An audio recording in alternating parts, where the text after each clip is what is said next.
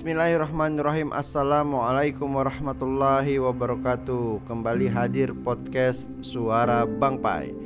Masih bercerita tentang episode perla perjalanan di uh, Vietnam ya.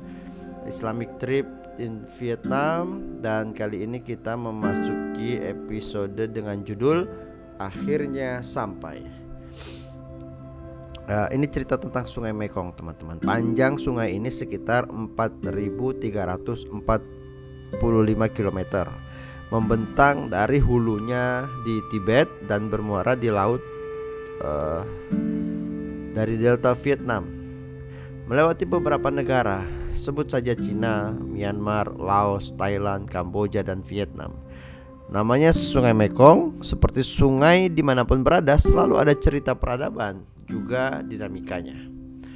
Dalam perjalanan menuju provinsi Angiang, kami dua kali melewati sungai, harus naik kapal penyeberangan seperti feri. Situasinya tak terlalu berbeda jauh dengan Sungai Kapuas di Pontianak, jadi tak terlalu mengherankan bagi saya. Tapi saya tertarik dengan wajah-wajah Indochina yang berada di atas kapal, wajah-wajah polos, wajah-wajah yang bertahun-tahun berhadapan dengan berbagai cerita perang mereka yang keriput dengan caping di kepalanya pasti simpan banyak cerita. Sayang, mereka tak berbicara Inggris dan saya tak mengerti bahasa Vietnam. Saat saya bertanya dengan Nguyen tentang sejarah perang di tanah ini pun tak terlalu banyak mendapatkan jawaban. Sepertinya Nguyen tak terlalu suka cerita sejarah, apalagi cerita perang. Ia sudah terlanjur disergap dengan impian Amerika, modern, canggih, sains. Akhirnya saya hanya penasaran, tak mengapa perjalanan masih panjang kok. Meski demikian, saya harus katakan kepada Nguyen bahwa menyimpan harapan kepada kapitalisme bisa menjadi sesuatu yang berbahaya sebab sudah sejak mulai konsep ini gagal jika dikaitkan dengan kesejahteraan. Tapi faktanya kapitalisme menang.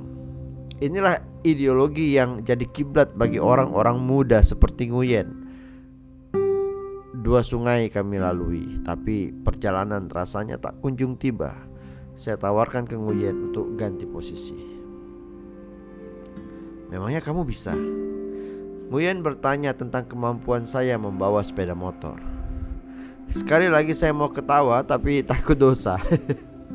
saya saya beri peringatan kepada Nguyen, jangan remehkan orang Indonesia dalam soal mengendarai motor. Dia menyerah, lagi pula sepertinya Nguyen lelah. Gantian saya yang duduk di depan. Tak menunggu waktu lama Langsung tancap gas. Hei Jangan kau bawa motor ini melebihi 50 km per jam Sergah Nguyen. Kenapa? Sebab kalau ketahuan polisi habis kita Kita akan membayar dengan jumlah yang mahal sekali Sekarang saya tahu jawabannya Kenapa di map seharusnya bisa tiba di Angiang dalam waktu lebih singkat tetapi kami tempuh dalam waktu relatif lama. Sebab di Vietnam, sepeda motor tak boleh melaju lebih dari 50 km per jam. Tak ada Valentino Rossi di Vietnam, bertolak belakang dengan Indonesia.